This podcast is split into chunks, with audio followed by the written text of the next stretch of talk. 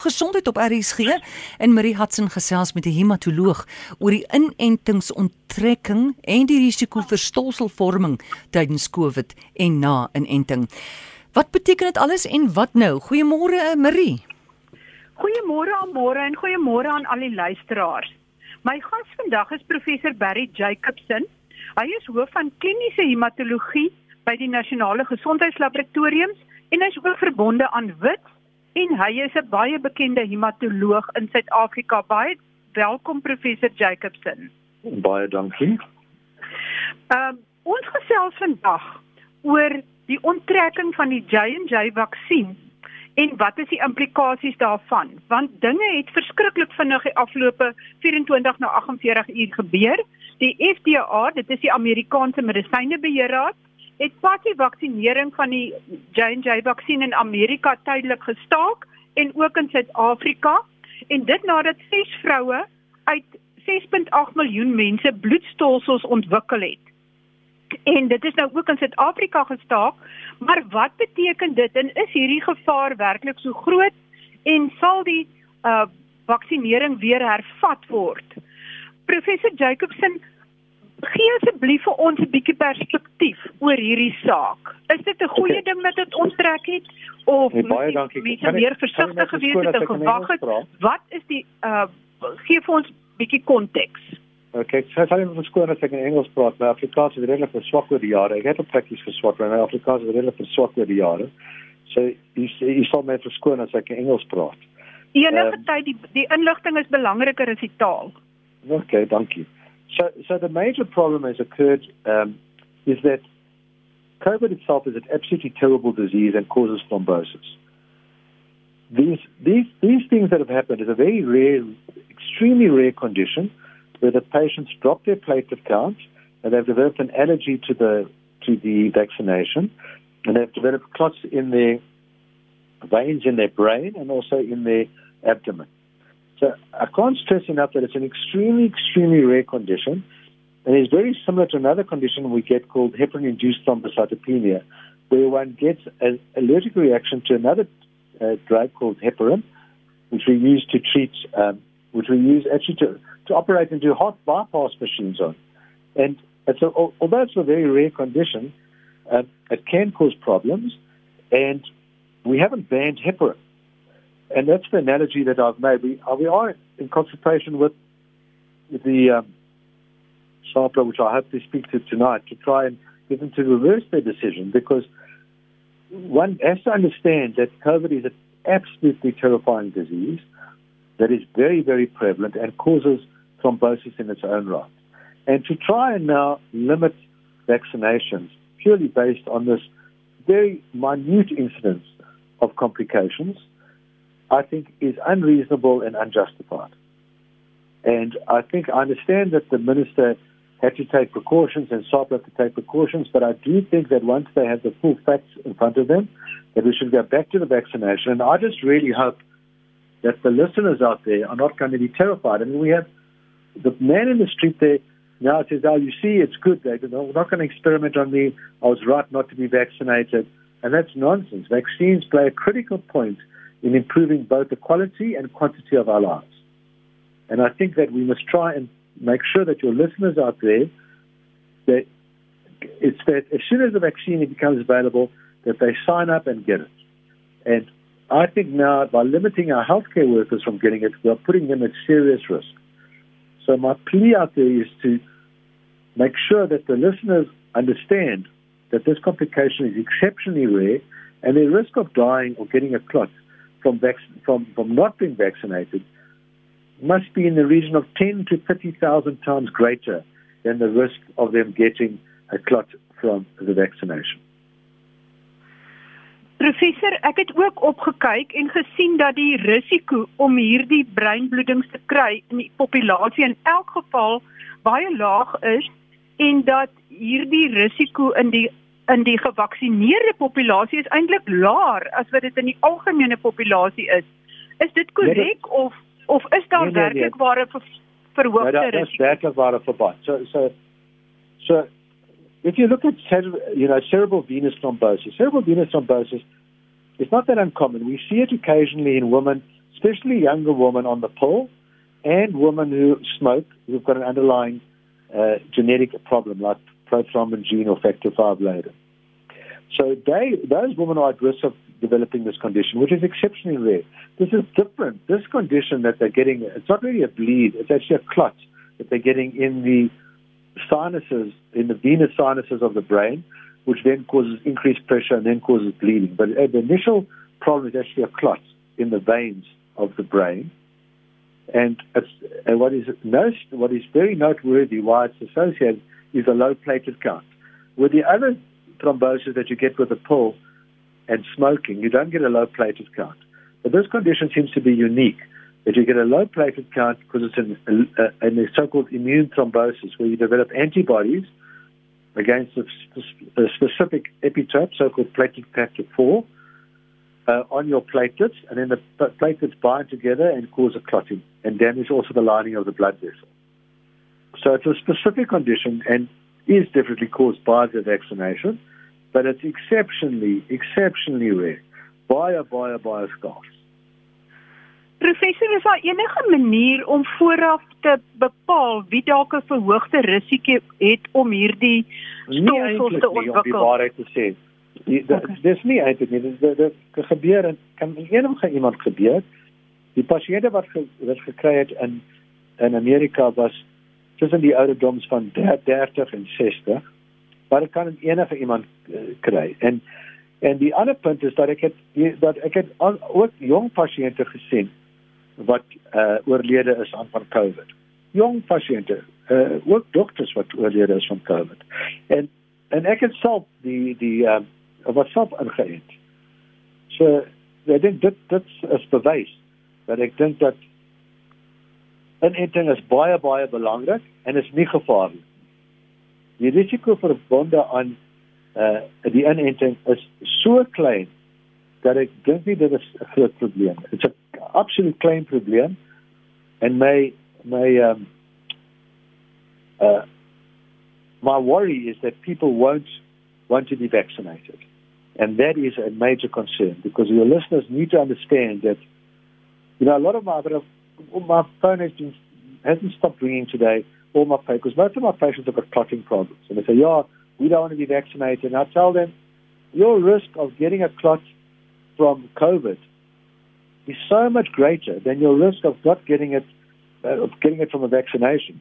You must definitely be vaccinated because if you get COVID, the risk of dying is high, and the risk of getting a clot is very, very high. So, we, you, your listeners need to not be worried about this. I think this is really much a storm in the teacup.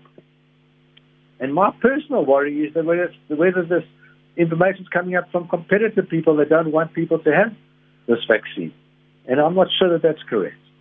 But I think that the J&J vaccine is a safe vaccine and it works against our variants.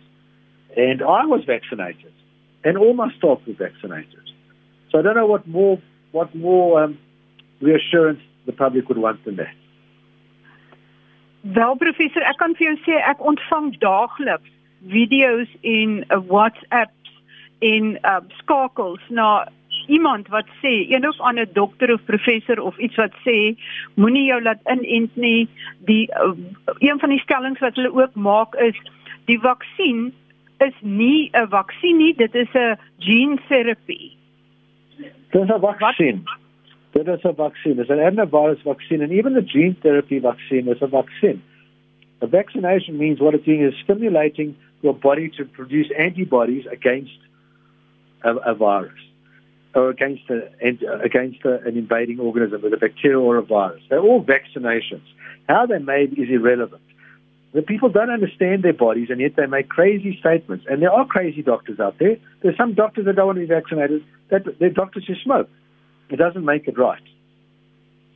The general yeah. scientific evidence of people that are scientifically motivated and proper academics will tell you unequivocally that vaccination is a really good thing and if it was a bad thing, would I do it?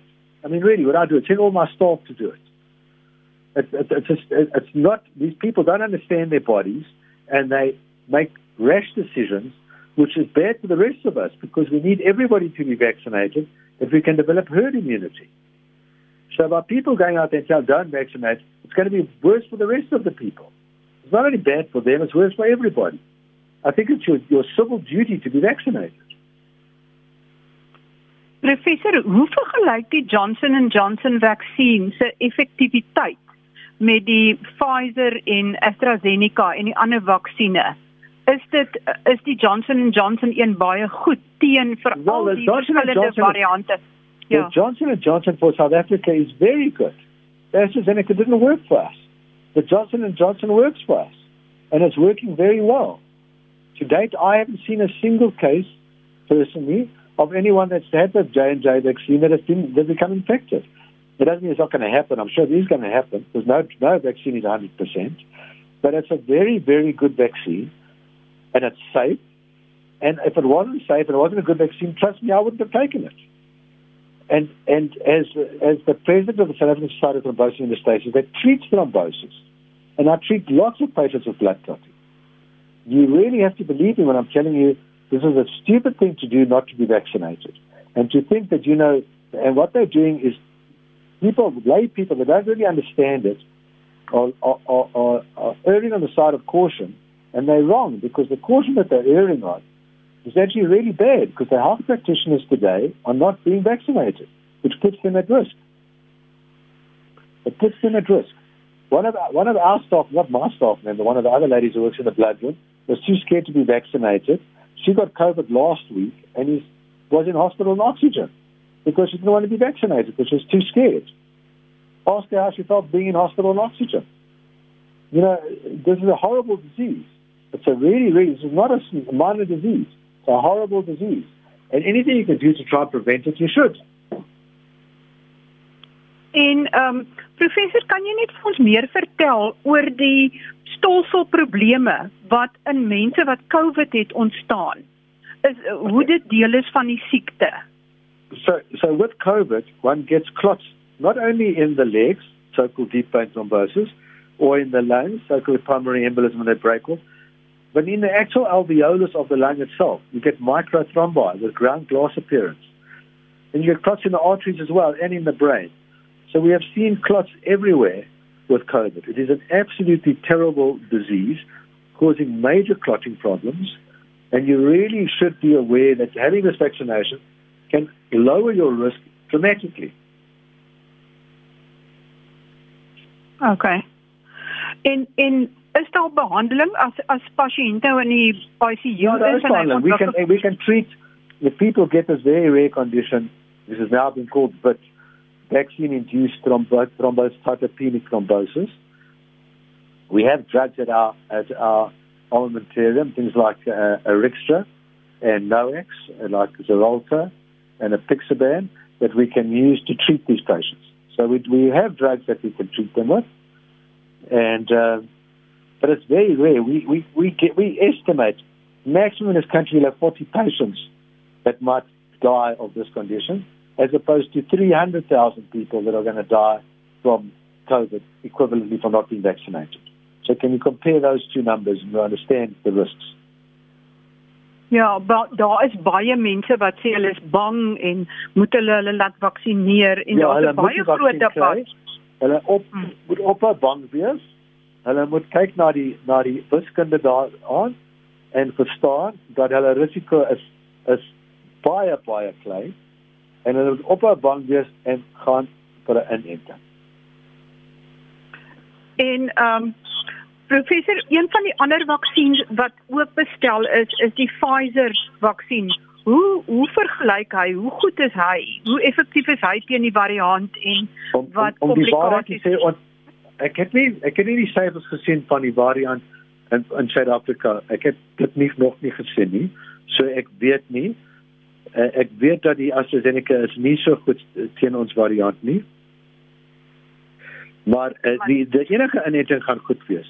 So ek dink dat Pfizer gaan goed wees. Uh en ek dink dat dit en ek ek ek ek, ek weet nie die presiese presiese syfers van dit nie, maar my belangstelling is meer oor trombose. Ehm uh, maar ek het ek sou twyfel dat daar dat daar geen probleem met Pfizer kan wees. Ek dink hulle almal gaan 'n probleem wees. So solank as jy genoeg pasiënte in en gaan jy so klein kan ek uh, syfertjies kry van 'n probleem. En as die ehm um, sê maar die pasiënt kry nou hierdie baie rare komplikasie. En wat staan om te doen? Ek bedoel gaan hy sal dit vinnig gebeur en hy's dood of sal daar nog kans wees om sy lewe te nee? Die twee dinge gaan gebeur. Dis die, die pasiënt sal they'll have a, a terribly blinding headache or they'll have terrible abdominal pain. They'll go to hospital uh, where they'll do a blood count to see that the platelet count is low. Then they'll do the test to see that they've got it. And then we can treat it. So the majority of those patients will survive. Okay. Okay. So wat wat uh, professor wat dink jy gaan volgende gebeur? Gaan hulle dalk oor 'n paar dae weer hierdie onttrekking ophef of wat hoop julle gebeur? Ek hoop en ek bid dat dit so gou as moontlik. Ek gaan weer met met uh met, ek gaan vanaand met hulle praat. Weer ek het vanoggend gemiddeld plaai. Ek gaan wanneer vanaand met hulle praat om om dit te heropen so vinnig as moontlik. Uh, uh, uh, Dr. Zwelly McKinsey sê in sy verklaring nadat hy met scientists, met wetenskaplikes gepraat het, het hulle besluit om hierdie uh vaksin te onttrek, tydelik te onttrek. Maar hoe, hoe reken jy kan wetenskaplikes dan aanbeveel dit as julle dan almal so sterk staan en sê dit was 'n foute om te om dit te onttrek? Hoe well, kan dit wetenskap Dit is probleem is in the devil in the deep sea. FDA withdrew it then the scientists felt and SOPA felt that we need to do something to try and show that we do care about the patients. So we are going to write letters to them to say exactly what we think should be done and try and get it reversed as soon as possible. Ja, want ek verstaan dat um, op julle dokter se WhatsApp groepe is daar baie groot teenkanting teen hierdie onttrekking en dat almal baie ontstel is hieroor. Ja. Goed. Ehm um, professor uh, Johnson, is daar uh, nog iets wat jy Jacobson. graag wil byvoeg? Jacobson, Johnson is die vaksin. Ag, Johnson, ek raak dit mekaar. Jacobson. Hoe durf ek so iets so fout maak? Okay. Is daar is daar nog iets wat jy graag wil byvoeg wat uh, nee, wat jou bekommer oor? Mense moenie bang wees nie. Die mense moenie bang wees nie en hulle moet ophou praat dat dit dis verkeerd om 'n inenting te kry. Hulle sodra die inenting uitkom, moet hulle gaan hulle moet gaan uh, gaan queue en dit kry so vinnig as moontlik. En of dit nou die J&J vaksin is en of dit nou die Pfizer een is want Willie McKee het gesê daar's 'n klop jy moet net gaan. Jy moet net gaan vir Jy moet ja. gaan. Enige okay. van twee moet jy gaan. So en as jy dan en as jy nou een van daai eenheid 'n miljoen mense is wat nou maagpyn kry of erge hoofpyn, dan moet jy by die dokter uitkom. Ja, by die dokter my ongevalle gaan. Sê ek het ingeënt, ek het nou eh, 'n vreeslike hoofpyn. Uh, maar dit is regtig nie 'n klein hoofpyn, dit is 'n regte erge erge erg hoofpyn. Baie ja. kry hoofpyn so een keer 'n dag. Dis nie 'n grandpa hoofpyn nie. Dis 'n regtig terrible hoofpyn. Ja. OK. En dan sal hulle toets en sien die plaatjie telling is laag en dan sal hulle weet wat om te doen. Dat jy dis reg. OK. Baie baie dankie professor Barry Jacobson. Hy is hoof van kliniese hematologie by die Nasionale Gesondheidslaboratoriums en ook verbonde aan WIT. Baie dankie vir hierdie insigte en uh en dan sal ek net vinnig iets oor 'n ander onderwerp sê, maar baie dankie professor Jacobson. Plesier. Baie dankie. Ons het ons het nou nog 'n paar minute oor en ek wil net vinnig iets noem uit my ehm um, uit my naam as genetikus uit. En onlangs het julle op Suidooster gesien van die Rafiq en sy vrou wat 'n babatjie gehad het met Edward sindroom. En ek het gedink is miskien goed om net vinnig te vertel wat is Edward syndroom. En dit is 'n kromosomale afwyking wat baie skaars is. En soos wat dit Down syndroom beteken dit jy 3 nommer 21 kromosome. Edward syndroom beteken jy 3 nommer 18 kromosome en dan kry jy ook Patel syndroom wat jy 3 nommer 13 kromosome het. Nou wat dit beteken is jy het met ander woorde 'n hele kromosoompie van ekstra DNA materiaal. En omdat die nommer 18 kromosoom wel wat groter is as nommer 21 kromosoom, is daar baie meer dinge wat verkeerd kan gaan. En babas wat met uh, Edward syndroom of trisomie 18 gebore word, baie keer sterf hulle nog voor geboorte. As hulle gebore word in hulle lewe, het hulle dikwels baie ernstige defekte. Breinontwikkeling, uh hartprobleme, nierprobleme en verskeie ander probleme. Hulle gesiggies lyk ook effens anders as 'n gewone baba se, soos wat 'n Down syndroom se gesiggie effens anders lyk. Jy kan dit uitken. En dan is die kans dat hulle 'n jaar oud gaan word is uiters skaars. Hulle sal waarskynlik nooit leer loop nie. Hulle ehm um, sal basies net lê, hulle sal nie regtig leer stap en kruip en so aan nie. En dan die die geval wat die oudste geword het was 'n was 'n babietjie of 'n kind in Engeland wat 4 jaar oud geword het wat uiters uiters uiters skaars is, maar die kind kon ook nie verder ontwikkel nie. So dit is 'n baie ernstige uh kromosomale defek met 'n baie swak kans op oorlewing. En uh toe ek nou op op Suidooster sien dat hulle hierdie sindroom noem, het ek gedink dis is dalk die moeite werd om vir ons luisteraars te verduidelik wat presies dit behels. Daar's natuurlik nog baie baie ander kromosomale defekte, maar ek het gedink omdat dit verwant is of verduidelik kan word aan die hand van Down syndroom dat mense dit makliker sal verstaan. Maar dit is 'n baie ernstige sindroom en die kans dat die kleintjie sal oorlewe is baie baie klein. En so kom ons aan die einde van vandag se gesondheid op RSG volgende week gesels gesels ek met professor Petrus de Vries oor outisme want dit is April is outisme maand en dan vertel hy soort van presies wat dit is en waarvoor jy moet uitkyk wat is die ernstigste gevalle en wat is die minder uh gevalle met minder uh aantasting. So, ons gesels dan volgende week weer gesondheidsake en asseblief neem professor Barry Jacobson se woorde ter harte moet nou nie deur vrees ingeboesem word oor die uh, die bloedstollings wat deur die vaksin veroorsaak kan word nie dit is baie baie raar en as jy so iets binne 'n week of 2 of 3 weke na jou inenting ondervind daar is behandeling jou lewe kan gered word dit is nie noodwendig 'n doodsvonnis nie maar die inenting gaan baie meer lewens red en is noodsaaklik. So asseblief mense hou kop. Tot volgende week dan. Groete van my, Marie Hudson.